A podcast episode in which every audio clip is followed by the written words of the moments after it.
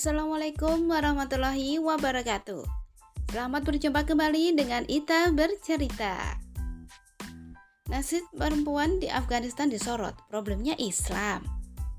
Setelah terjadi penangkapan gubernur perempuan di Afghanistan pada Rabu 18 Agustus 2021, makin marak narasi kekhawatiran terhadap nasib perempuan di Afghanistan setelah penguasaan Taliban. Namun, ujung narasinya selalu dialamatkan kepada Islam dan syariat Islam. Narasi berbagai pemberitaan yang sangat propagandis terutama di media barat antara lain perempuan Afghanistan menghadapi masa depan yang tidak pasti. Krisis Afghanistan, akankah Taliban mengurangi pembatasan dari sebelumnya pada perempuan? Keadaan buruk nasib perempuan di bawah pengaturan Afghanistan. Perempuan Afghanistan takut kembali ke hari-hari yang gelap dan narasi-narasi lainnya yang sejenis. Salah satu respon yang diberikan Taliban bahwa mereka akan memberikan porsi yang besar kepada perempuan di pemerintahan. Namun hal ini dikritisi aktivis muslimah sekaligus pengamat ekonomi Islam, Ustazah Nida Saadah SEAKMEI. Ia berpendapat kondisi di luar Afghanistan hari ini tidak jauh lebih baik dalam puluhan tahun terakhir karena banyak jutaan perempuan di dunia mengalami kemiskinan. Bahkan ketika pandemi global jatuh pada jurang kemiskinan yang sangat dalam.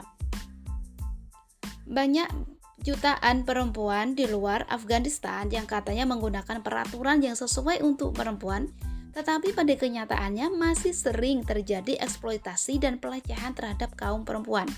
Jelasnya, maka ulasnya, problem dari persoalan ini adalah sistem buatan manusia yang korup, tidak kompeten, dan menindas berbagai negeri muslim saat ini.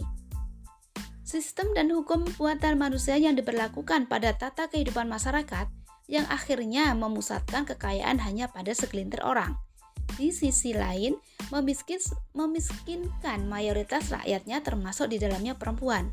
Ungkapnya. Sehingga lanjutnya upaya untuk sekadar meningkatkan keberadaan perempuan dengan menambah kuota di parlemen atau jabatan publik lainnya tidak akan berpengaruh terhadap peningkatan kehidupan kaum perempuan.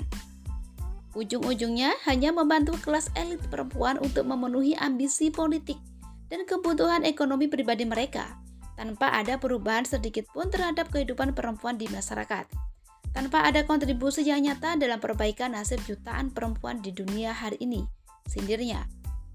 Inilah sejatinya yang menyebabkan kerusakan di masyarakat, yaitu sistem dan hukum buatan manusia. Sistem demokrasi sekuler yang menyebabkan kemiskinan massal yang menimpa perempuan dan penindasan terhadap perempuan. Tambahnya lugas.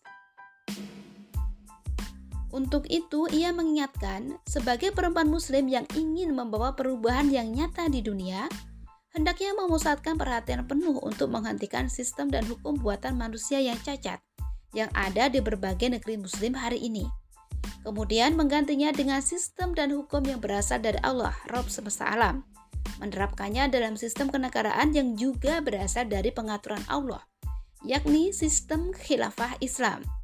Inilah yang sejatinya akan mewujudkan solusi yang efektif untuk masalah seluruh umat manusia, termasuk para perempuan, baik di Afghanistan maupun di berbagai negeri yang lainnya. Tegasnya.